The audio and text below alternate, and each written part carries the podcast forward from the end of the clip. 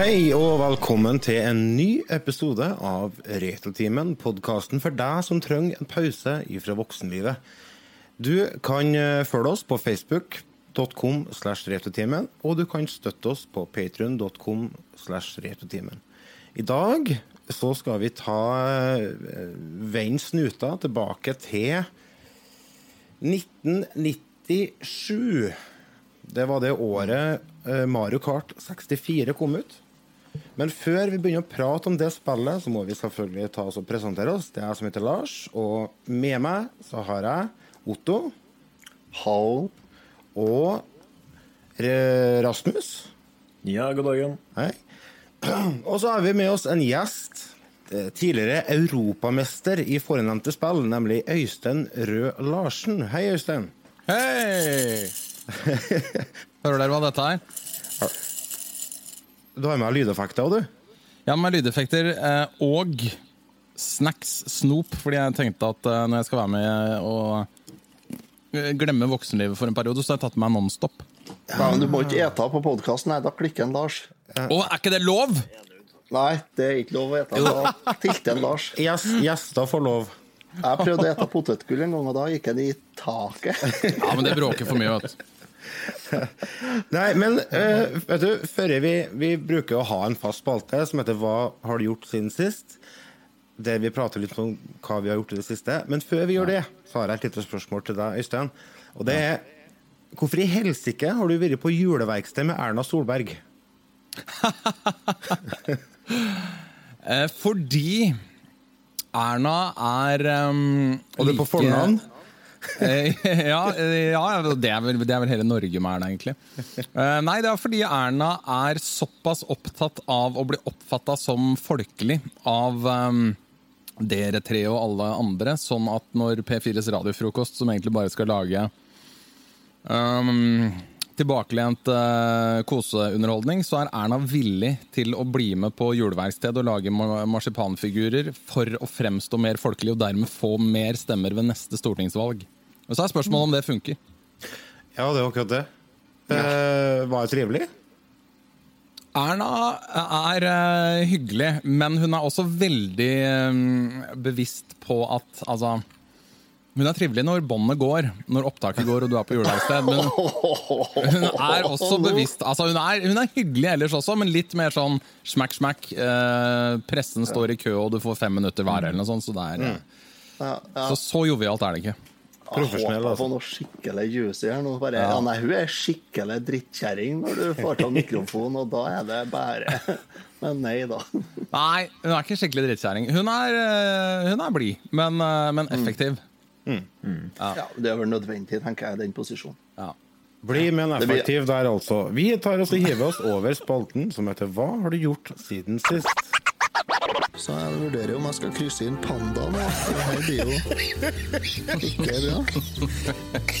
Jeg ble kontakta av en bekjent, og han hadde 160-170 laserdiskplater. Hva heter det? Tvangsjakke? Eller tvangsgenser? Jeg husker ikke hva det heter. Tvangstrøye. Hva har du gjort siden sist? Øystein, du skal få æren av å begynne. Og du kan jo egentlig kanskje ha lyst til å presentere deg sjøl. Det glemte jeg noe av å si. Ja. Mm. Jeg heter jo da Øystein Røe Larsen og er eh, dere sier forhenværende europamester i Mario Kart, men jeg vil jo si at som med amerikanske presidenter, så har du en gang vært president, så blir du alltid kalt president livet ut. Ja, jeg setter pris på om dere kaller meg europamester i Mario Kart resten av, av livet mitt, da, hvis det er mulig. Jo, jo, men det skal være mulig å få til det. Ja, fantastisk. Og I tillegg så er jeg jo, da sitter jeg og jabber på radio hver eneste morgen mellom 06 og 10 på P4, sammen med to andre som heter Bjørn og Marte, og er programleder på P4, da. Jeg skal til å si jeg hører at du kan det der. Ja, eh, men eh, fordi det er sånn, sånn Altså du med tanke på stemmen, tenker du? Ja, ja. Ja. Radiostemmen eh, høres radiostemmete ut. Det er bare prosessert eh, gjennom en eh, sånn boks i studio. For nå sitter jeg i P4-studio, for jeg kunne aldri vært med dere eh, hjemmefra på min egen Mac, for da hadde dere hørt hvor spak stemmen min egentlig er. Ja. Så det er vi som har radiostemmene, egentlig. Ja, det syns jeg. Og jeg har for øvrig, eh, apropos hva man har gjort siden sist, så har jo jeg da hørt på Retrotimen og hørt meg opp. Og, ja, det var det. Ja, og ikke minst eh, Jeg er jo mest opptatt av Mario Kart, ikke så mye opptatt av andre. Jo, altså, mye annet kan man høre på også, men jeg liker spesielt spalten deres Hva har man gjort siden sist, hvor jeg har Mm. lært om både utslett i rumpa etter traktorkjøring i høy luftfuktighet Ja, det var meg. ja. og mye forskjellig, så jeg liker det. Ja, ja. Nei, brannsår er ikke å spøke med, altså. Nei, Er det borte nå, eller? Ja, ja, ja, nå er det greit. Så det, jeg har eh, Jeg har på samme bokseren nå, men jeg prøver å sitte i ro, da. Men Funka det med talkum, eller hva du prøvde? Nei da, nei, jeg, nei det torde jeg ikke. Det har jo blitt sement, vet du. Det, har ikke, det blir jo ikke bra. Nei. Det er jo blitt 80 kilo tyngre i løpet av dagen. Ja. Og det trenger ikke jeg. Nei. Ikke jeg heller. Så det, nei, så det går bra nå, ja. Så vi satser på at vi berger nå til neste sommer. Ja, Det er godt å høre. Men jeg kjenner meg veldig igjen i det du beskrev som enkelte andre medlemmer eh, i podkasten deres ikke forsto forrige gang. Nemlig Ja. det at du, du går en hel dag og ikke merker det før du dusjer på kvelden. Og da kjenner du at hva fader er det som har skjedd bak her? Og, så, og så er du sår som F. Ja, Dere, vet du, dere kan klappes ut, og så brukes fælt, altså. Det kan du gjøre. Det kan jeg. Oi, oi, oi. Ja, Der tror jeg vi... du gjorde en tabbe. nei da. Heldigvis så driver ikke vi med sånt Nei, nei. Nei, nei, nei. hele tida. Så nei, så det var artig. Men hvilke episoder du har hørt? Har du hørt eh, alle, eller? Nei, det har jeg dessverre ikke gjort, for det er mye radio. Ja, det er det. Det Ja. er noen timer, det. Nei, så jeg har hørt det. Jeg tok et par, eh, to-tre tilfeldige, men jeg har eh, i de fleste da når dere har begynt å snakke om sånne nerdete ting som jeg ikke har brydd meg så mye om, så har jeg hoppa til neste og heller kost meg med bl.a. hvordan dere fylte fryseren med Var det elgkjøtt, eller var det hjort? Ja, det er elg her, ja. Ja, ikke sant? Ja. Ja. Ja også litt kvig og litt gris, da. Ja, det er jo i fryseren her. Det er, Apropos elg, eh, Otto, er det elgjakta i gang oppi det deg nå? ja, de er snart ferdig. Ja, det er med. Ja, de er det, det, det er elgjakta her, det er jo en farse. Det er ikke jakt, vet du. Det er Ja, bra valg av ord. Ja. Det skal jeg legge sånn på dem. Det er bestandsregulering her. For det er de, de, eh, de trenger ikke å vente så lenge på elgen, kan du si. Nei. Nei. Det er, men jeg tenker, jeg hadde ikke venta noe lenge heller på å oppsøke jegeren mens jeg bodde oppe i Ungdalen. Altså. Det er ganske mørkt og dystert oppi her. Du vil ha tid i livet ta deg fortest mulig? Jeg tror det. Ja. Steinkjer er jo den kommunen i landet med høyest avskjøting av elg, faktisk. Åpenlyst og glad, kaller de seg. Ja, åpenlyst og glad. Og så er jo distriktet jeg bor i, er jo det distriktet i Steinkjer kommune med høyest tetthet av elg. Men har dere fått innlagt strøm nå? Ja, vi fikk alt. Ja. Jeg kommer til det når det blir min tur til å snakke om hva jeg har gjort siden sist. Jo, men Kan du ikke bare ta over fakkelen her, da? Jeg kan gjøre det. I går har jeg prøvd noe som jeg ikke har prøvd på en stund. Hva sa. Silje til det? da? Nei, altså, det var jo Hun var med meg nødt, hun. Nei da. Hun syntes det var greit, hun. Nei, i går så Jeg kom inn fra fjøset, og så holdt Silje på å ordne middag. Hadde akkurat lempa fisken oppi stekepanna. Klokka var tolv minutter på fire i går ettermiddag. Da gikk strømmen. Ei. Ja, så det, det seieblokkene som lå oppi stekepanna, de eh, De ble ikke så varme. Ah. Og så tenkte vi ja, ja, nei, strømmen bruker å gå. Det kan jo, altså, bruker å gå. Den kan jo gå nå da sånn hos hvem som helst. Den er sikkert borte bare fem minutter, så kommer den igjen.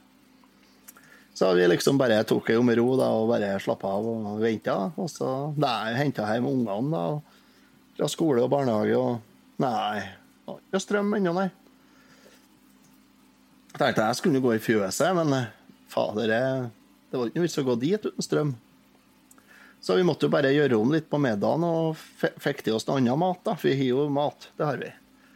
Så vi fikk ordna mat, og så fikk jeg sove i middagskvil og våkna fra den. Og nei, jeg har ennå ikke strøm, nei. Nei, nei, så var det å begynne å lete i, da. Så vi fyra opp da ca. 100 telys, da. Og tente opp i ovnen og kosa oss stort, ikke sant. Ungene satt med nettbrettene til de var strømløse, og da måtte de legge seg, da. Og så skulle jeg Silje bort på et møte, så svigers skulle komme hit og så passe, passe ungene da, mens jeg gjorde fjøs, når strømmen kom igjen. Så Nei, det kom ikke noe strøm. Jeg var inne og kikka på nettsidene til nettleverandøren, og der sto at jo, strømmen kommer til klokka sju. Ja, det var greit. Ja, flott. Klokka begynner å nærme seg sju, så bare Nei, strømmen kommer til klokka ni. Åh, Ja, det er jo topp. Da blir det sendt fjøsstell, fant jeg ut, ja. Så da gikk jeg inn i kjelleren og så hentet jeg til et par eh, øl. Så skjenka jeg av svigermor, for hun er nylig hofteoperert. Så, en svigerfar som må kjøre. Så da satt vi oss og drakk litt øl, jeg og svigermor. Og så, og så hørte vi fotballkamp på radioen. Ja. Og så ble det klokka ni. Ja, tenkte jeg var det rart om det ikke skulle bli strøm snart. da. Så jeg tok på meg og Jeg hadde vært ute med hodelykt og, og flidd og ordna den i fjøset. da. Så det var klart liksom til å begynne å melke. Nei, klokka ni så kom en ny melding på nettsidene deres at nei, strømmen kommer igjen klokka elleve. Ja. ja, da blir jeg i hvert fall seint i fjøset, tenkte jeg. Så Silje kom hjem fra møtet, var på årsmøte oppe på Samfunnshuset. her. De satt med telglys og bærbar-PC og fraus. Og drakk eh, kaffe kokt på primus. Nei, Nei, så da var det bare å ta kveld, egentlig. Slukke telglysene og gå og legge seg. og Men hva med fjøset? Nei, jeg la meg på sofaen, da, vet du, for at jeg, så har jeg på alt av lys på, i huset. Så når strømmen kom tilbake klokka ti over to i natt, Ja. da våkna jeg til at eh, alt slo seg på. TV og, og alt, ikke sant? Heldigvis så gikk jeg gjennom kjøkkenet når jeg gikk ut. Seien. at Ja, tre kokeplater som sto på full yrlings. Ja, Seien, poteten og gulrota. Så jeg var bare å raske med seg seien ut til kattene i fjøset, da, og så går og fjøs. Jeg var inn klokka ti over fire i natt. Da var jeg ferdig med kveldsstellet i Oi, går. oi, oi. Ja. Så klokka sju i morges så var det liksom ikke Da vits i å gå ned i fjøset, nei. Nei. De har ikke vunnet og produsert all verden til melkekyrne ennå, så, så det ble melka ut på ettermiddagen i dag. Og så skal jeg gå i fjøset nå i kveld og melke. Men var det ikke veldig melkespreng øh, øh, klokka fire i natt? Jo, det var litt antydning til det, kan du si. Og så når strømmen kom tilbake, så alt lyset slo seg på nedi fjøset, så oppdaga jo kyrne det at hei, vi har ikke noe mer mat igjen. Så der var jeg livått når jeg kom. Nei, men dem var, da var de matin. Plutselig ble matin, da. Ja, så der var jeg for høyt støynivå, men eh, det gikk bra. Jeg fikk noe gjort det. Jeg fikk ordna, jeg fikk melka og ordna. Så nå vurderer jeg om jeg skal kjøpe meg et aggregat, ja. Der, ja. Det er utrolig hvor eh, avhengig jeg blir av det. Det er ikke så lenge siden strømmen gikk her heller, og det begynner å bli lenge siden sist. Det er Ja. jævlig merkelig å være nødt til å gå rundt med et halglys. Ja, det er det. Altså, det, altså, det er jo trivelig. Jeg syns det er koselig. Jeg Ja, det er ikke kortstokk og legge litt kabal i skjernet og telys og drikke litt øl. Da. Det kan en jo selvfølgelig gjøre, da. Så, men eh, jeg tror jeg skal kjøpe meg et aggregat. Jeg har jo kosta på inntaket og sånt på lemmen her 70 000 for å gjøre klart det for aggregatdrift. Så oh, ja. det er bare selve aggregatet som mangler. Det er jo bare Mm. 20 000-30 000, det òg, så er det jo i boks. ja, så du må ha et ganske heftig et, du sikkert. Nei, jeg trenger ikke så veldig stort et, men det bør være på ja, 18-20 kW, ja. Nå kakler dere som to 60-åringer i fruktavdelinga igjen. Rasmus, hva har du gjort siden sist? Uh, ja. Jeg har jo mye godsaker jeg kan plukke av her, da, men siden vi har en gjest som er så glad i nerdeting, så drar vi det like greit rett dit, tenker jeg. Um, uh, jeg har eh, hatt en Gameboy Advance liggende i skuffe, rimelig demontert og forsøkt modifisert i løpet av årene. Eh, Men resultatet av det er bare at skjermen er helt ødelagt og knappene funker ikke, eller noen ting. Så den eh, ja, lå egentlig bare nedi der som en sånn klenodium. Et minne om eh, barndommen, rett og slett. Men eh, i det siste så har det kommet en interessant modifikasjon ut på retromarkedet. Som kalles for en Gameboy Advance Consolizer Kit. Som er en sak som du kan bytte ut skjermen på Gameboy Advancen med.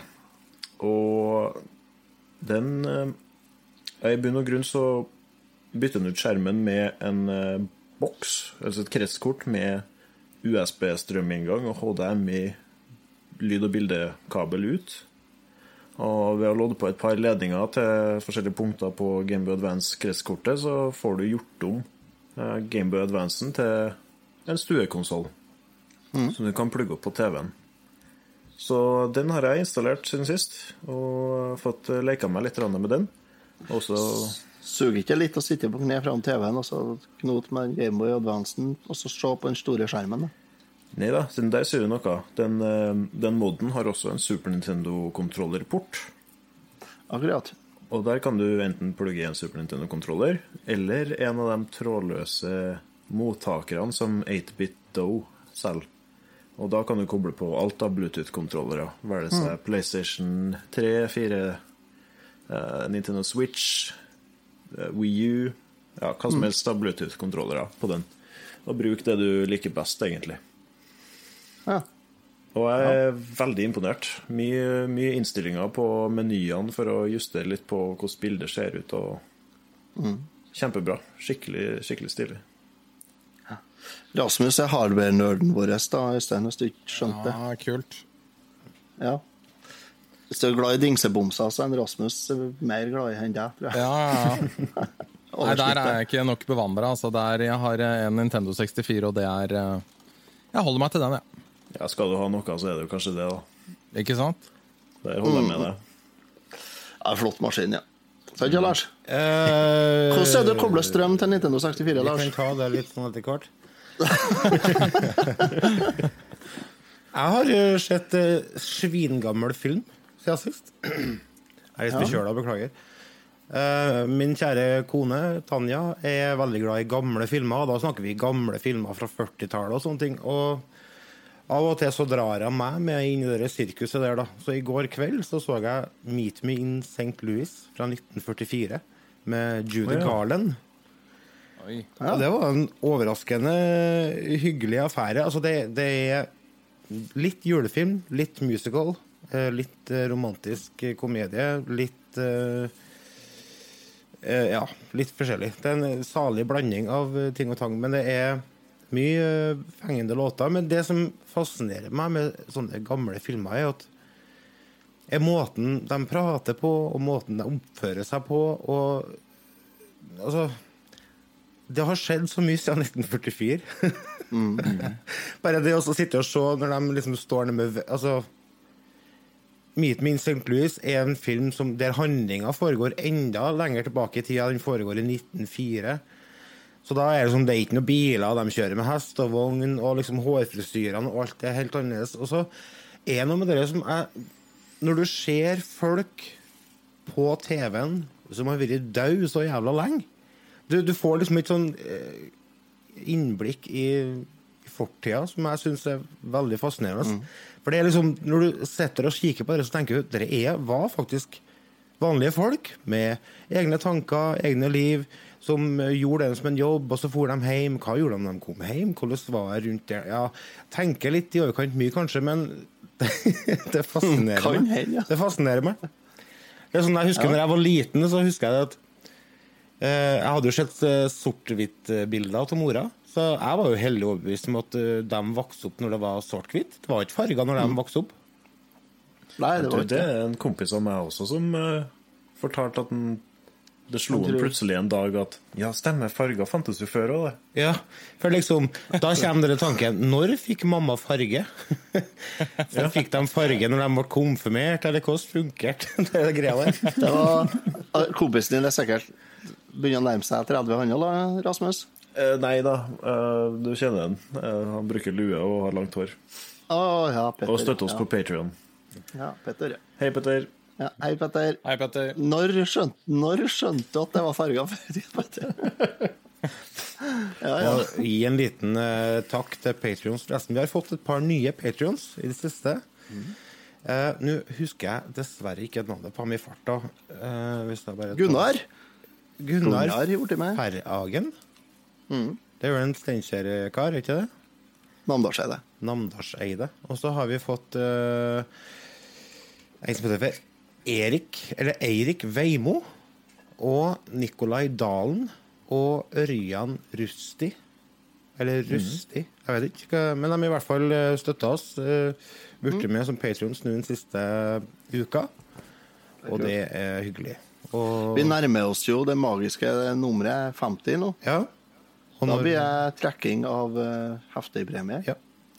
Så det blir spennende. Og så blir det sånn at vår alternative podkast Returtimen Ekstra blir et fast uh, innslag hver uke for dere Patreon. Så det, hvis dere er interessert i å støtte oss, gå inn på patrion.com slash og så har dere valget mellom 1 til 100 dollar, eller hva det er for noe. Husker ikke i farta. Men da foreslår jeg at vi gjør sånn.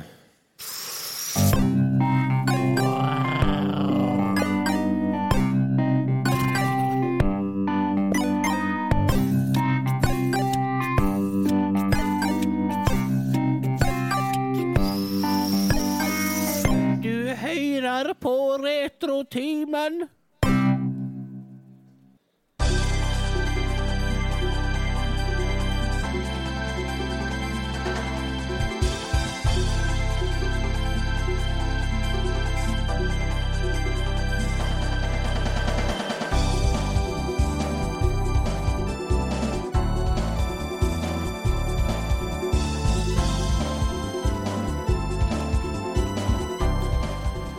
Det var intromusikken til Mario Kart 64, som er hovedtema Ah. i ukas episode. Og Øystein blir gira bare han hører musikken.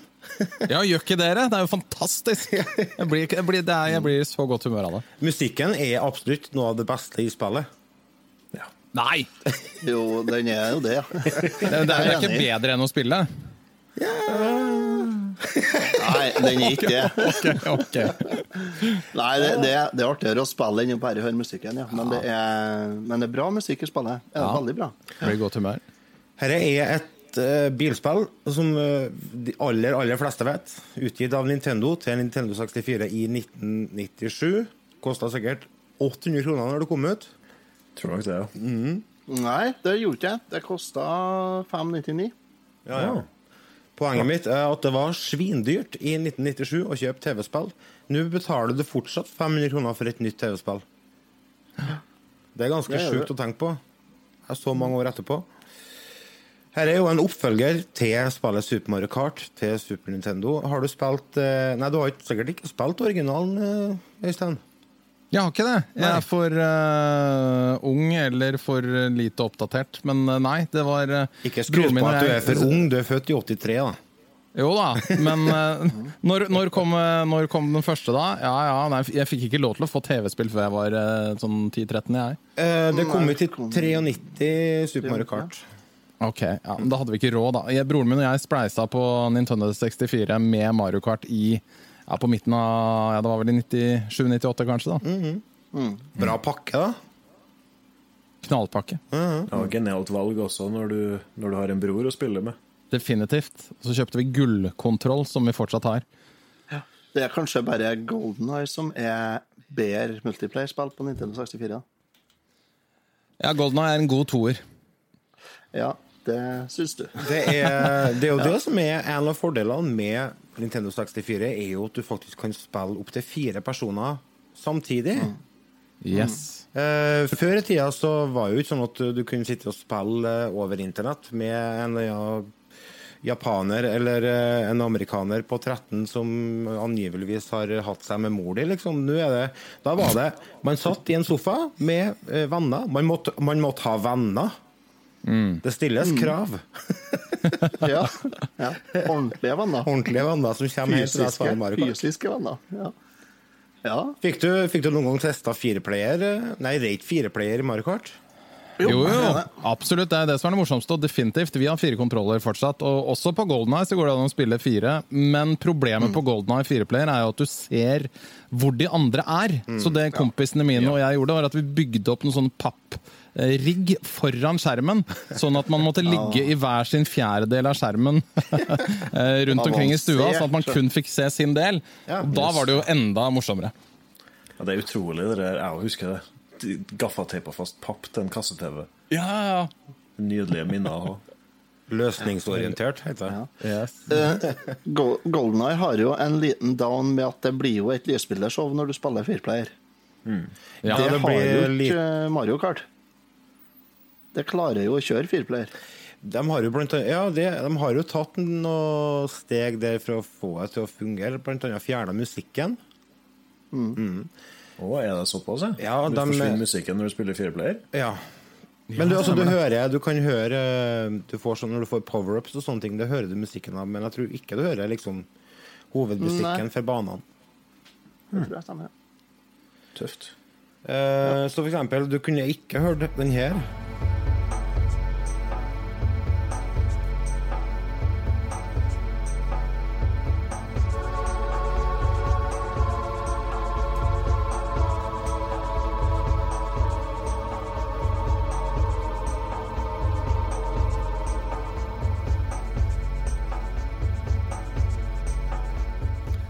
Hyggelige toner fra Copa Castle der, altså.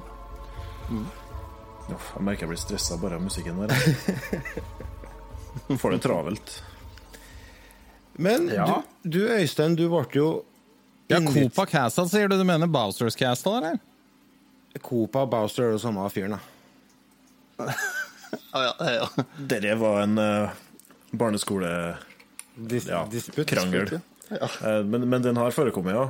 Siden det som er problemet der, tror jeg, er at eh, Mario-tegneseriene som kom på 90-tallet, de refererte til Bowser som kong Koopa.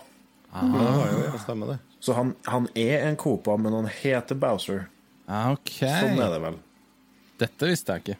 Nei, Jeg altså, lærer å høre på Retrotimen. det er nå vi liksom går inn i dypet.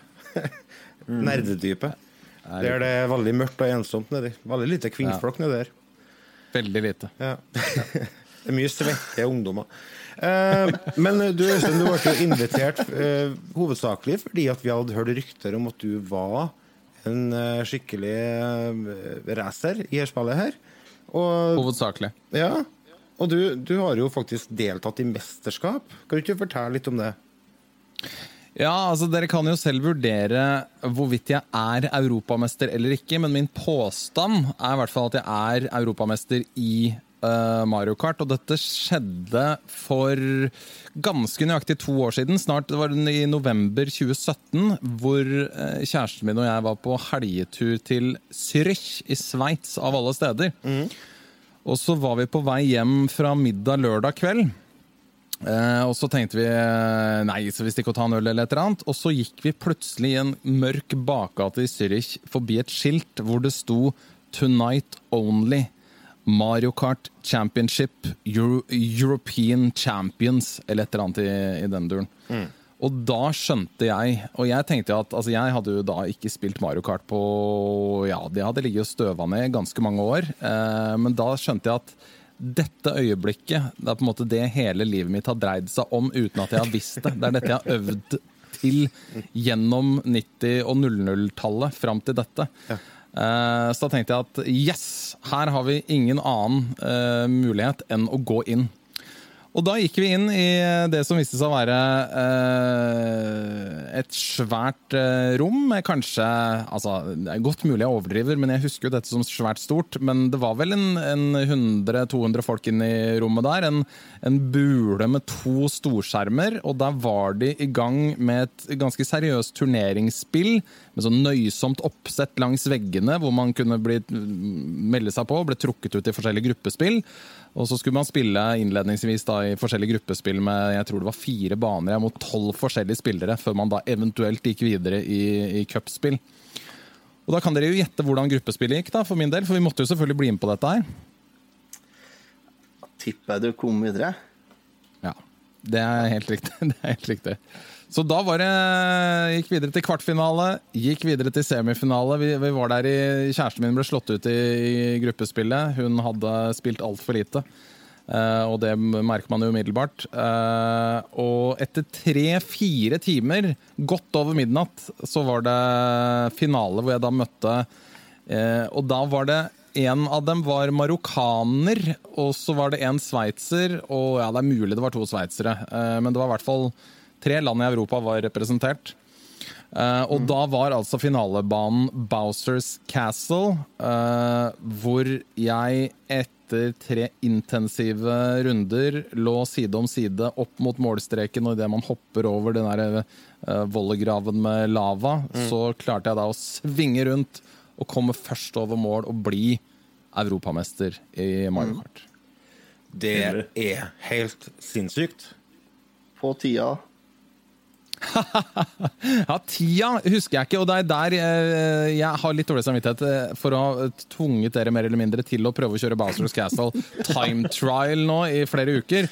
Fordi én ting Altså, eh, jeg tror ikke min forse er det å kjøre banen raskt uten motstandere, men det er mer det å spille multiplayer mot tre andre og taktikken i hvilke spørsmålstegn og skal man skal bruke når og hvordan, og hvordan man skal utnytte det best mulig. Det er der min forskjell ligger. Ikke nødvendigvis har jeg selv erfart noe etter å ha prøvd å kjøre uten motstandere bare på tid, for det er fader ikke så lett, altså. Det er som du sier, det er to helt forskjellige verdener. det. Yes. Ja, det er det. Men eh, vant du noe annet enn heder og ære? I, absolutt. Jeg vant en svær, medium stor premie som var en plastfigur av eh, Mario på en Mario Kart. Som, En Enkelt som står hjemme fortsatt. svær medium stor premie. Svær, medium, nokså liten, egentlig. Den var sikkert lett å få med seg hjem igjen. Ja, det gikk så vidt eh, på, på 20 kilos-grensa på kofferten. Det er sånn. Svær medium stor premie. Så jeg heller opp pokalen min her, da. Yes. Omtrent sånn. Ja, den du vant på retrospillmessa? Ja. Det var det. Ja, nei, jeg sitter og ser på Jeg fant ut at jeg måtte jo gå inn og sjekke noe, hva verdensrekorden er her på, på Mario Kart på Bowsers Castle. Og det er jo Mathias Rustemeyer som har. Og verdensrekorden er 2.12,28. Det er jo helt vilt. Men er det da på time uh, trial eh, det, er, det er det? Ja, Ja. det er det. Og, og det her er pall, da. Det vil si at det er Ja. europeisk versjon. Det må faktisk det nevnes uh, først. Det at Ja. eh, Den europeiske versjonen kjører i 50 hertz, mens den amerikanske kjører i 60 hertz. Da Så Ja. kan du dele 50 på 60, og så har du en liten forskjell der i hvor fort spillet kjører. Noe som Ja, gjør fors- at eh, det er enklere å få um, Hvordan blir det, da? Det blir i hvert fall det er lettere å få ei god tid på PAL-versjonen, men du får ei større tid, hvis du skjønner? Ja. Ja, det er samme person som har verdensrekorden på NTSC òg. Han Mathias Rustemeyer. Og på NTSC, altså amerikansk eller japansk utgave, så er tida 1.50,61. Det er ikke sant? Men en skulle jo Det tro er det, at, en skulle jo tro det at når du får flere Eller høyere hastighet, altså du får mer smooth gameplay, så skulle det være lettere å spille. Ja, Sånn at når du, når du spiller på det. NTSC, så burde det være enklere å få i god tid. Ja, nei, det er jo litt sånn. Eh, Hvis du er et uh, race mot klokka, så er det jo vanskeligere å ta den igjen når klokka er raskere. Det sier seg på en måte Jeg kjenner at jeg sliter så gærent med å akseptere at tida går fortere i USA. Ja, Jeg, jeg, går, jeg går ikke med på det. Nei, men det utgjør altså 22 sekunder på, på den banen her. eh, Forskjellen på PAL og NTSC. Ja, god pekepinn. For eh, Ja, dere kjære lyttere som eh, ikke har noe formening om hva ei god rundetid er, eller hva en god totaltid er, så er min beste tid på NTS er 2.33,88. Og beste rundetida mi var på 47,54, altså 47 sekunder. Ja. Men uh, jeg er godt under Nei, under middels god i akkurat dette Mario så ja. Otto, hva, Ja. hvilken tid fikk du? 2.31,34 på NTSC og 45,87 som beste rundetid. Ja. Rasmus, da? Ok. Ja, så den her er jeg egentlig litt kry. Jeg har jo ikke spilt Mario Kart 64 noe særlig i det hele tatt. Eh, Men jeg har eh, spilt uhorvelig mye F-Zero GX, som er et eh, racingspill utgitt av Nintendo og Sega på GameCube, konsollgenerasjonen etter Nintendo 64. Så jeg har litt erfaring med å skave av millisekund, Eh, Så jeg klarte å oppnå to minutter, 13 sekunder og 82 hundredeler. Wow, Oi, oi, oi. det er jo kjempebra. oi, oi. Jeg ser der, ja. To minutter og 13 sekunder, sa du? Ja. Hvem Men du- det er NTSC? ja. Ja, for Ja. dere spiller det hele gjengen? Ja, jeg har spilt begge delene. Jeg har, jeg har begge, begge versjonene, skal jeg si, har jeg. Eh, Jeg har, jeg har bestetida mi på PAL òg, men da må jeg opp i chatten her og se. Men den tida jeg fikk, den plasserer meg godt innafor topp 1000 på mariokart64.com. Ja, eh, på Om jeg hadde orka lagt inn det, da. 259,05 har jeg på 259,05 har jeg på pallet. For, for Ja. det som er greia her, er jo at uh, spillet er jo utgitt på Nintendo 64, og da er det jo, da er det jo PAL-versjonen vi spiller, vi som bor her i Europa. Men så har det jo blitt utgitt eh, på nytt igjen til både Vi og VU. Ja. Uh, og der er det NTSC-utgaven som blir brukt. Mm. Eh, Bare sånn så folk skjønner litt hvorfor vi driver og prater om dette her. Jeg spilte eh, NTS-utgaven på Wii U nå senest nå i dag, og det Jeg syns det at det er Det går mye Det er mye mjukere, det er mye mer fartsfølelse og mye Jeg syns det er litt lettere å spille det faktisk på NTS. Altså. Det flyter mer. Det gjør det. Det er bedre flyt. Mye bedre flyt òg. Så det anbefales å teste. Det er jo, har du en Wii U, så er det jo snakk om en 50-60 kroner hva var på, på shoppen der. Så har du den utgaven. Og da får du bruke pro-kontrolleren til vi, og den er jo Men du, Øystein. Ja. Eh, I dette spillet her så kan du jo velge mange forskjellige karakterer. Husker du hvilken eh, karakter du brukte når du vant? Yoshi, definitivt. Yoshi, er det det som er favoritten? Ja, altså, ja, dette har jeg jo forska mye på opp igjennom, og eh, Yoshi, alternativt Toad, er jo de minste eh, karakterene rent fysisk, som gjør at de akselererer fortest hvis du blir felt på noe vis. I, mens i andre enden av skalaen så er det jo Donkey Kong og Bowser for eksempel, som jo er størst, eh, og som dermed lettere kan dulte bort de andre og få de til å snurre rundt, men da akselererer de veldig tregt. Og jeg har vurdert det dit hen eh, etter årevis med testing at det er viktigere å akselerere fort enn å kunne dytte bort til de andre. Ja, for jeg tenker Det går jo litt på hvilken spillestil man har. Altså, Det høres ut som at du kjører litt mye utfor grøfta, eller? Ja, egentlig ikke, men jeg syns også det, det er lettere å, å navigere. At, at styringa kanskje er litt mer tight på de, på de minste deltakerne. Jeg synes, altså, Det var en lang periode jeg spilte med Donkey Kong, f.eks., men han er litt sånn Han er litt seig. Ja. Eh, det, er, så, så det føles litt seigt på et eller annet vis. Så jeg har endt på at Yoshi uh, er min favoritt uh, å spille med. Og så er det vel sånn at de minste karakterene òg de kjører litt saktere, kanskje. Ja, Mens de, mens de store, som er Donkey Kong, Vario og Bowser, de har høyere topphastighet, men Yes, er mer kronglete å styre. Peach eh, har samme fysikken som eh, Toad og Yoshi har. Jeg har brukt Toad, da. det, og det husker jeg fra, fra når jeg spilte um, det originale Super Mario Kart. Så husker jeg at jeg leste i et Nintendo-magasin på 90-tallet at for nybegynnere så var Toad en bra spiller å bruke fordi at han var lett å styre. Og det er noe som har hynget med meg siden da. Så bestandig hvis jeg prøver et nytt Mario Kart-spill, så går jeg til Toad først for å liksom bli kjent med banene og sånne ting. Og så kan jeg begynne å gjøre om på ting etter hvert. Ehm, skal vi se Og så har du jo her, Ikke noe Mario Kart-spill er uh, uten masse power-ups. Og i hele spillet her så har vi jo kanskje den eh, kjipeste power-upen av dem alle. Nemlig det blå skallet. Ja, det kommer premiere i spillet her. Ja. Blue Shell blir introdusert Ja. i Mario Kart 64, og det var Ja, jo der, der jævelskapen starta, med andre ord. Ja, det var det. og det har, det mye frustrasjoner som har kommet fra det blå skallet der. Ja. Verden over. Og merkelig nok så er det bestandig når du nærmer deg mål, at det blå skallet kommer. Ja, Ja. Det, det koser seg rett før målstreken, det. Ja.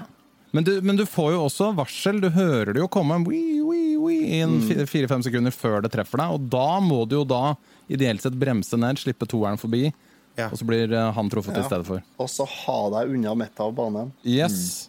Ja. Det var et bra Det tips. skallet ja, det skallet har jo faktisk den egenskapen at det kan rote seg inn på banen igjen hvis det kjører ut tom. Det kan det. Ja. På mystisk vis. Ja. Det er kjipt, altså. Ja, men det er samtidig veldig deilig å befri noen få hvis du ligger langt bak og trykker. da. Ja, det er det. Det er, det. Det, er jo det, det er jo der Nintendo kom inn med den rubber band-effekten sin. Åh, Den er frustrerende, føler jeg. Vil dere eh, Ja, er forklare det, det, begrepet litt? Det er kanskje ikke alle som har hørt om rubber band-effekt. Jo, det er litt samme effekten som i den vitsen med han kallen som setter fast bukseselene sine i døra på Cadillacen til han eh, ikke sant? Karen på moped som hekta fast bukseselene sine. Alle har jo hørt den, ikke sant? Han med Cadillacen ga på, han med mopeden kom etter og susa forbi. Så det er, du, du drar opp det svakeste i feltet, drar du opp, og så bremser du det beste. Og det er jo for å, det er jo for å skape kontinuerlig spenning. Og, Mm. og så tror jeg kanskje det har noe med eh, tekniske begrensninger å gjøre òg. Ja, du får jo samla liksom alle på innafor et visst felt i, I- i banen. Ja. Ja. Men det slipper du jo hvis du spiller tre eller fire player, sånn som på dette europamesterskapet. Så blir det jo Der er det jo ikke den effekten, i hvert fall ikke så vidt jeg kan forstå. Nei, det går Nei, den gjelder, den gjelder på powerups. På powerups så er den effekten Det er sant. Det er sant. Det er Ja. riktig. Men uh, Ja, I form av at du får bedre, bedre gjenstander når du ligger lenger bak, ja. Ja, for at på måten powerups er blir delt ut, er sånn at du har en prosentvis sjanse for å få, få de forskjellige powerupene, alt etter hvilken plassering du har i feltet. Oh, ja. Ja. Men det, det, ligger du på de fire fremste plassene, så, så kan du ikke få blåskalle, f.eks. Når du spiller toplayer. Eller én player. Eh, nei, i multiplayer òg. Ja, men da, ja, hvis du spiller fireplayer, så er det jo bare fire ja, på banen. Fireplayer, så er du ikke med. Nei da, det er ikke. Men hvis du, tar, hvis du spiller toplayer, multiplayer, da kan du si, så er det Hvis du ligger på de fire første plassene, så kan du ikke få blåskalle. Yes. Mm. Så er, det er en sånn prosentvis sjanse her, og en sånn algoritme for hvordan det skal deles ut, og som er eh, Det er jo for folk som har hatt matte. Og det har ikke jeg. Og det er jo, altså, det er jo en genistrek, altså, for det gjør jo at et sånt spill faktisk blir tilgjengelig for alle, og ingen Mm. føler at de blir rundspilt. Liksom. Altså, du kan sitte og spille med hele familien, f.eks., uten at uh, minstemann på sju klikker vinkel. Ja. Nja Det er litt vinkelklikk som man må belage seg på hvis man spiller i spillet her. Jo, Ja. jo, men Ja. Det, det merker Ja, Ja ja. da. Men Harry Fred, eh, jeg streama jo dette her på var vel Patrion-sida vår. Eh, og da tenkte jeg bare skulle ta et par cuper, bare for å varme opp litt og gjøre meg klar til å kjøre noen eh, time trial-runder.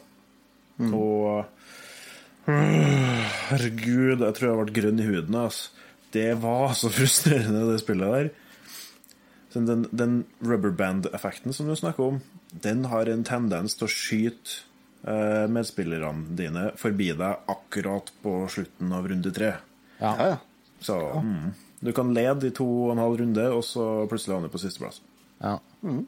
Det er derfor- særdeles frustrerende. Derfor er det også viktig å, å bruke dette taktisk, og ikke ligge og Ja. dure i, i teten i tre runder, for da, da er det stor sannsynlighet for at det ikke går. Men f.eks. for eksempel på uh, Vario Stadium, hvor du jo kan bruke lyn eh, rett før, altså noen hundre meter før målgang, eh, og dermed sende resten av bølinga ned i, i dypet, sånn at de må Ja. kjøre en god omvei. Eh, der lønner det seg jo å ligge og dure på femte-sjetteplass, uh, f.eks. fram til Eller fiske fram et lyn, og så spare det til det hoppet helt mot slutten, for så uh, dundre forbi alle og vinne. Her snakker vi med en som har spilt litt Mario Kart. eller? Absolutt. Har dere cuper på jobb og sånn? da? Nei, vi har ikke det, skjønner du. Det er eh, svært begrensa interesse her på jobb uh, for akkurat dette. Det er jo det som er synd. Det er for få av oss. Du må liksom til Sveits for å finne Like Nei, men jeg tenker sånn, har dere ikke Dere har ikke hatt den med oss Altså, så mokka opp den og hatt fireplayer på kontoret? Nei, det har vi ikke gjort, men det, det er en kjempeidé. Det bør jeg jo Ja. gjøre. Fredagsfest i morgen. Ja, ikke sant? Så det er jo lønningspils og alt sånt, og så litt Mario Kart. Det bør jo være bra. Ikke sant? Suksess, det. Jeg skal gifte meg til våren, så dere planlegger rebusløp og sånn blir kjent-fest på fredagen. Og da blir det Mario Kart-post som en av Ja, postene. ikke sant? Oi. Ja. Gratulerer og kondolerer til Gratulerer, ja. Tusen takk! tusen takk.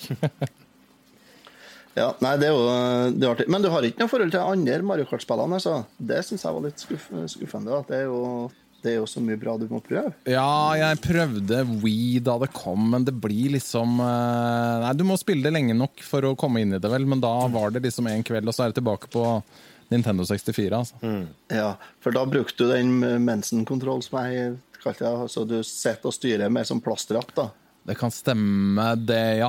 Det er Ja. mange år siden. Ja. Det, det er ikke like artig da, altså, som med en vanlig kontroller, nei. Nei. Men det som er artig, altså du som er såpass stor fan av uh, Mario Kart 64, så er det jo Jeg tror alle banene, bortsett fra Vario Stadium, har jo blitt lagd på nytt og gitt ut. For de har jo sånne I Mario Kart 8 og Mario Kart 7 så får du kjøre gamle baner på nytt igjen, bare i oppussa eh, versjoner. Ok. Så det er jo eh, eh, Bowsers Castle ligger jo ja, Hvordan eh, Er ikke den på Mario Kart 8? da? Ja, den er på åtte, åtte ja.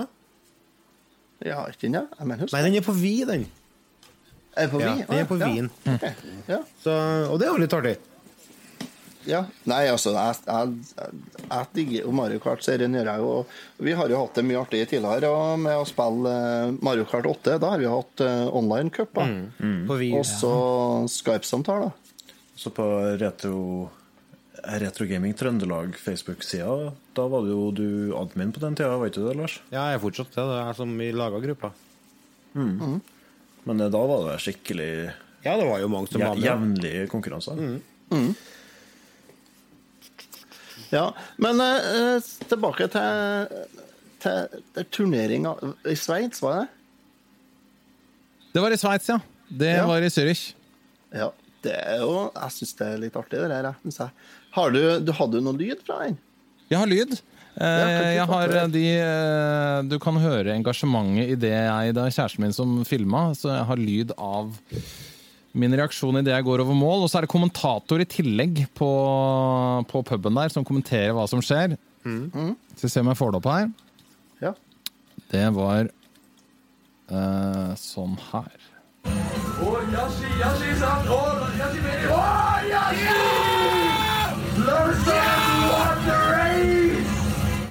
Yeah.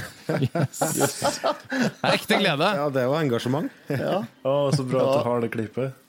Ja, Det var bra. forløsende. ja det, det er digg. Ja. Det var, det var artig å høre. Det var Kult.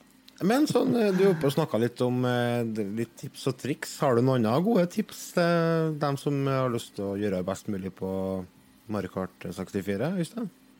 Mm, altså, det er jo omdiskutert hvorvidt det er innafor å ta snarveier eller ikke, men det er jo på flere baner det er mulig å hoppe over eh, veggen, f.eks., for, eksempel, for å komme inn på, på et sta stadium lenger fram i banen. Jeg vet ikke hva slags holdninger dere har til det. Så lenge det er mulig, så er det lov, tenker jeg.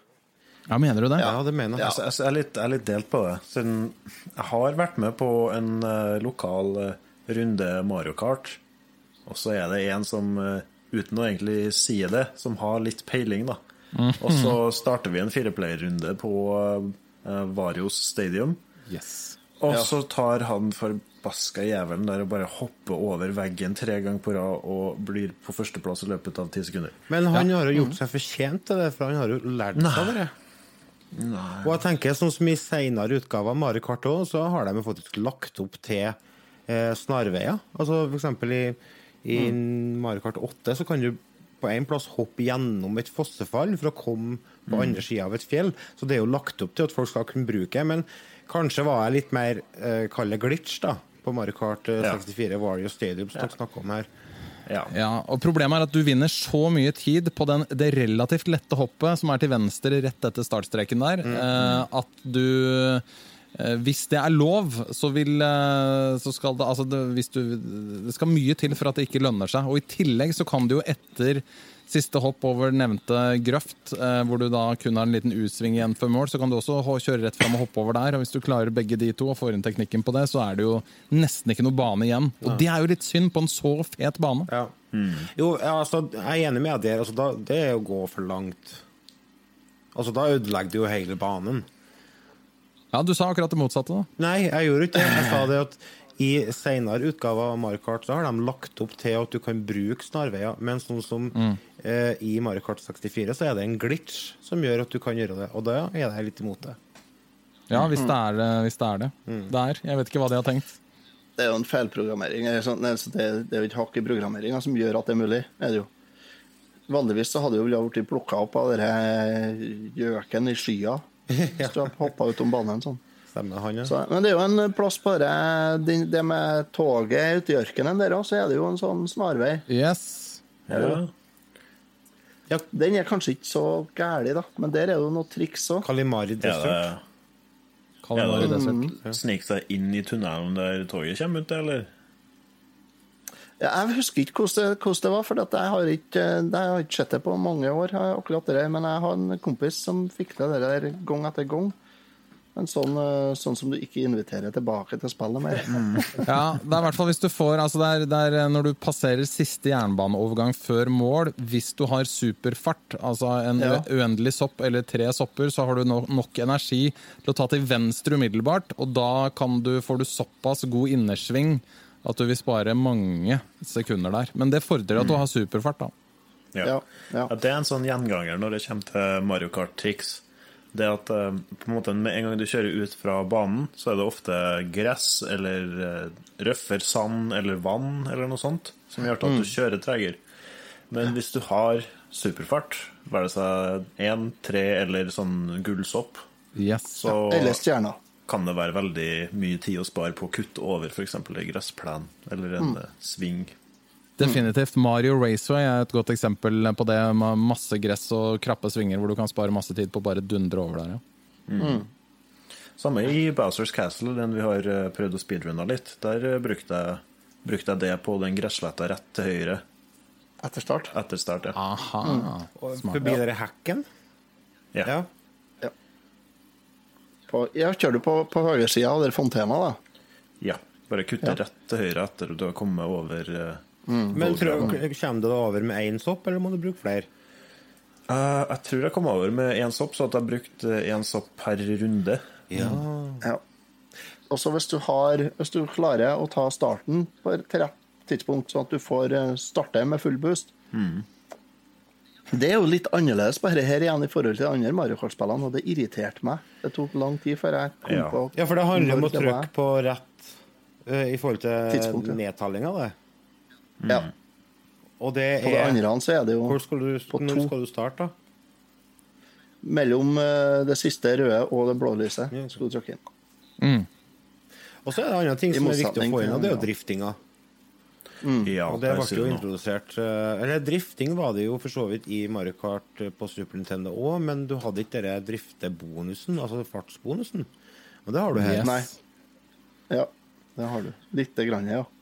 Ja, jeg vet ikke hvor mye fart det er, men eh, Det er nå Ja. det ene her. Jeg bruker det hele veien, i hvert fall, å holde inne R da, for å få drifting. I hver eneste sving, nesten, om bare små svinger også, så har i hvert fall jeg følt over tid at uh, det sparer Ja. du tid på. Det gjør du. Det gjør du. Det er, hvis du er skikkelig god, så kan du faktisk bruke det på rett strekk òg. Ja. Ja, sånn såkalt da- sniking, som det heter. Ja.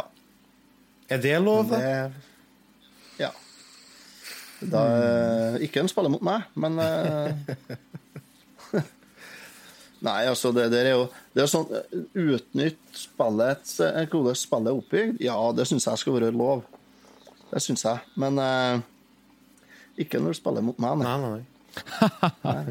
En, en interessant eh, mulig snarvei er jo den siste banen, som også er den lengste tidsmessig, Rainbow Road, hvor man jo kan umiddelbart etter start hoppe til venstre og dermed kutte en tredjedel av banen omtrent. Men jeg, eh, min erfaring er i hvert fall at eh, der taper du såpass mye tid på å bomme.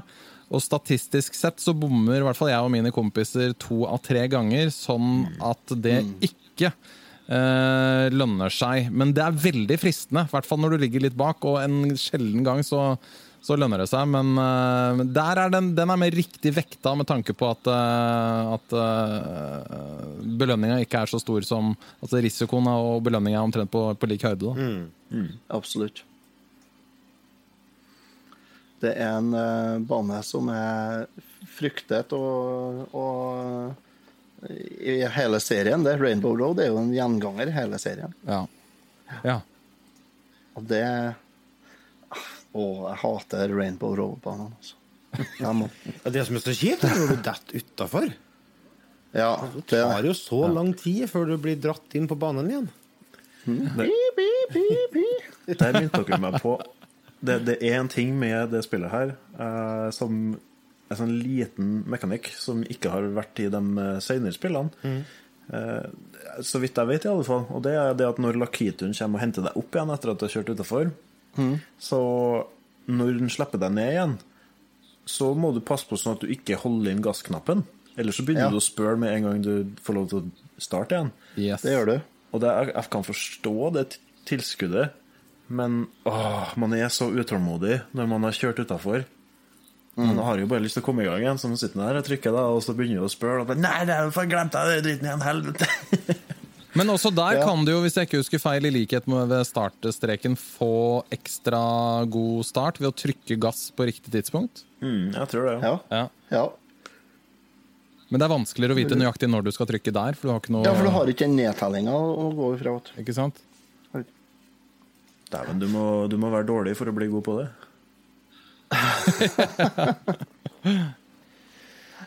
Ja. Du er så dyp, Rasmus. Men eh, når Takk vi har. Nå har vi jo drevet og spilt det litt de siste par ukene, og eh, det er jo bestandig interessant å spille gamle spill med nye øyne. Eh, Hvordan, eh, hvordan har spillet her stått seg? Har, har det tålt tidens tann? Ja, svært godt. Ja, du er ikke upartisk i hele tatt. Jo, jeg er det. det er det er kun dette jeg har spilt de siste 20 åra, så jeg, dette må dere uttale dere om, ikke jeg. Ja Eh, Jeg er litt usikker. Jeg, jeg kan begynne. Skal vi gi karakteren, eller? Ja, vi, vi, vi, eh, Øystein, jeg vet ikke om du har fått med det, men eh, vi bruker eh, på slutten av sånne sekvenser der vi prater om spill, så bruker vi å dra fram karakterboka. Og så gir vi Ja. karakter fra lite godt til S. Mm, nydelig. Så Ja. eh, Øystein Nei, jo, Øystein kan få begynne, du. Ja. Det er jo vanskelig å gi noe annet uh, enn en soleklar toppkarakter uh, herfra. Eh, men det er jo også altså, Når det kun er dette jeg har spilt de siste 20 åra, så er jeg jo såpass uh, nedsylta i dette og kun dette. Så, så i den grad det har noe som helst å si. Så vil jeg, men jeg vil gi en S, og så vil jeg gi en S til denne episoden av Retrotimen. Og det at jeg eh, 20 år etter at jeg nerda meg inn i Bowsers Castle, kan sitte og snakke med herrer fra Trøndelag om hvor man bør svinge og bruke hvilken superfart. Hvor. Det er så surrealistisk at da vi diskuterte det akkurat, så måtte jeg bare le. Så eh, en S til denne episoden også. Ja, herlig. Uh, ja, det er rart hvordan verden fungerer, altså. Ja. Otto, Jeg har ufattelig mye bra minner fra Mario Kart 64. Og, og fullsjuksøndager med fireplayer på og sånt noe. Så eh, jeg har ikke Det er noen år siden jeg spilte nå, når jeg tok ifra. Uh, Merka at det satt ikke helt i fingrene lenger. Det gjorde ikke jeg. Men uh, jeg har jo spilt så mye annet Mario Kart-spill etterpå. Ja, Vi har jo Double Dash på GameCube, vi har Mario Kart Wii på Wien og Mario Kart 8 på Wii U og Switch. Det er jo fantastiske spill, alle de der. Mario Kart DS liker jeg. da. ja, det er, det er Det er bra. Ja, det er steinbra. Så det er vanskelig å gi det toppkarakter, ja, men jeg vil si at det er en G pluss, altså. Det vil jeg si. Det er et godt spill, er det. Og det, det er jo Det er liksom grunnstammen på det alle andre bygger på. Ja. Absolutt. For at Super Mario Kart er ikke, det er ikke noen byggestein i det her. Det er bare et prøveprosjekt, tenker ja, det er prototypen, ja. Jeg Ja. sitter og tenker litt i de banene, jeg òg. Ja, så, det, så jeg gir det en G pluss, jeg gjør det. Enn mm. du, Rasmus?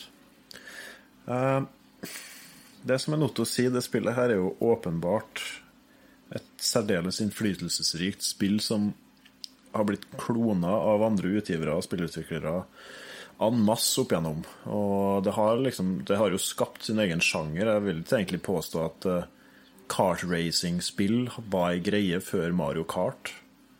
Eh, men det har det jo altså blitt, og det er jo en grunn til det. Det er fordi at spillet er jo bra. Um, så får det faktum at eh, jeg plages verre enn verst med å spille den dag i dag, bare stå sin gang. Men herre fred, jeg har vært så sint på dette spillet her nå i det siste at jeg, jeg har hatt problemer med å la møblaturet mitt eh, overleve. Så mm. Men jeg tror også det har noe med at hvis du skal spille Mario Kart, så bør du kanskje faktisk flekke frem fire kontrollere og spille det med noen venner. Yes, det er veldig viktig. Helt enig. Ja, absolutt. Så jeg, jeg har ikke lyst til å gi det en uh, karakter basert på de stakkars uh, frustrerende kveldene jeg har brukt på det her. Det som vi nevner, denne rubberbanding-effekten, den spiller jo en stor rolle når du spiller med computerstyrte eh, motspillere. Så da blir den effekten og de negative eh, sidene ved at de ikke helt visste hvordan de skulle implementere det på et rettferdig vis, de blir ganske tydelige. Så spillet kan være veldig frustrerende den dag i dag, eh, hvis du spiller det alene. Time trial er jo greit å på en måte bruke litt tid på, da, men eh, det er en sånn en, en game-type, eh, eller en game mode, som jeg ikke egentlig opp gjennom årene har hatt så mye til overs for. Så spillet reddes egentlig ikke av en time trial, sånn sett. Men det var, det var artigere å skave vekk eh, sekunder på time trial enn det var å spille cup mot datastyrte spillere. da. Men hadde vi, vi fire vært samla og spilt dette med et par pils en helg, så hadde det vært noe annet. Det har ikke fått den karakteren jeg har planer om å gi da, nei. Men eh, foreløpig så skal han få en, eh, en G minus. Oi, oi, oi. Da- Så dårlig. Ikke, B, ikke, B, ikke B minus det? Nei, en B minus det, det blir jo høyere, da, blir vel, egentlig. Ja. Så dårlig Hvis du skal drive og omkalkulere. Det blir en G minus, altså. Det er et godt spill, men Det plager meg skikkelig. Enn du, Lars? Skal vi få en skikkelig slakt her nå? Eh, altså, på bakgrunn av at det her spillet faktisk har satt standarden for eh, de spillene som kom etterpå i serien, og hvor mye jeg har kosa meg med de spillene, så får det masse pluss bare for det.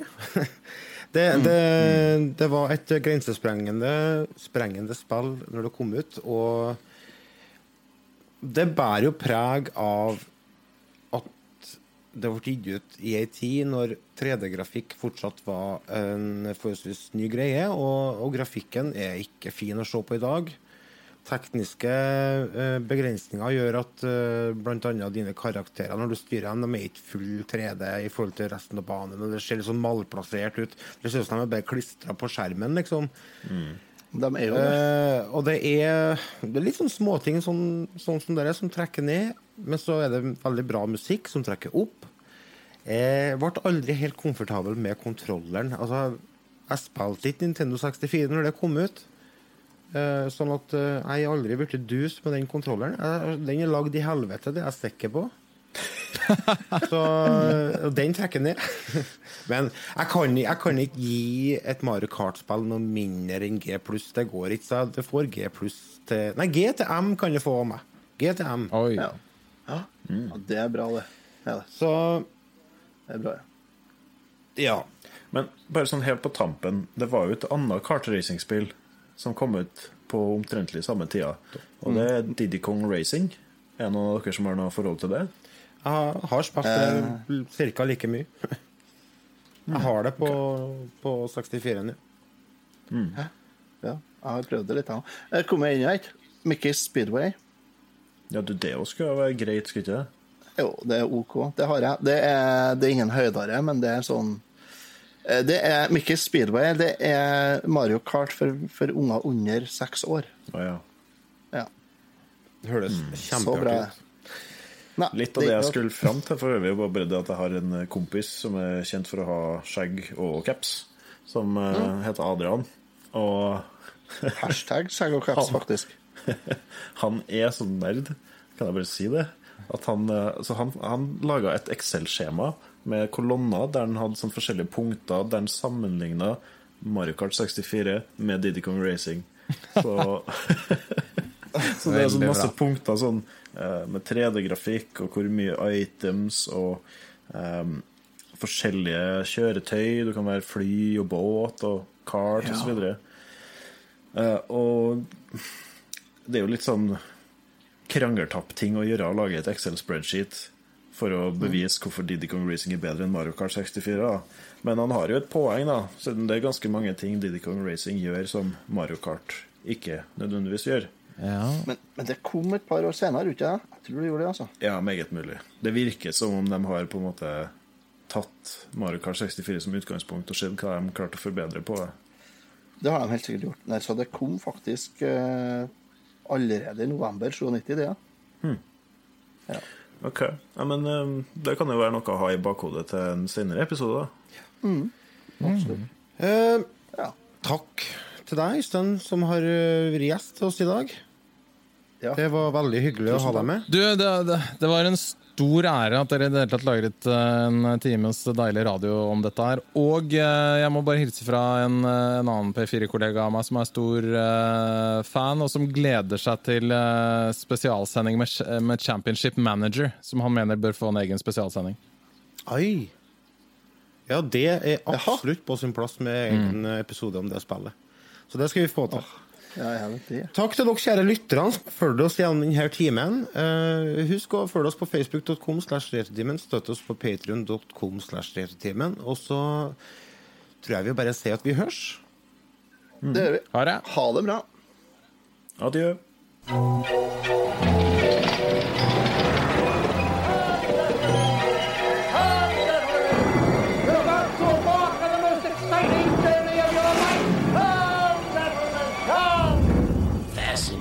For a 360 degree burnout.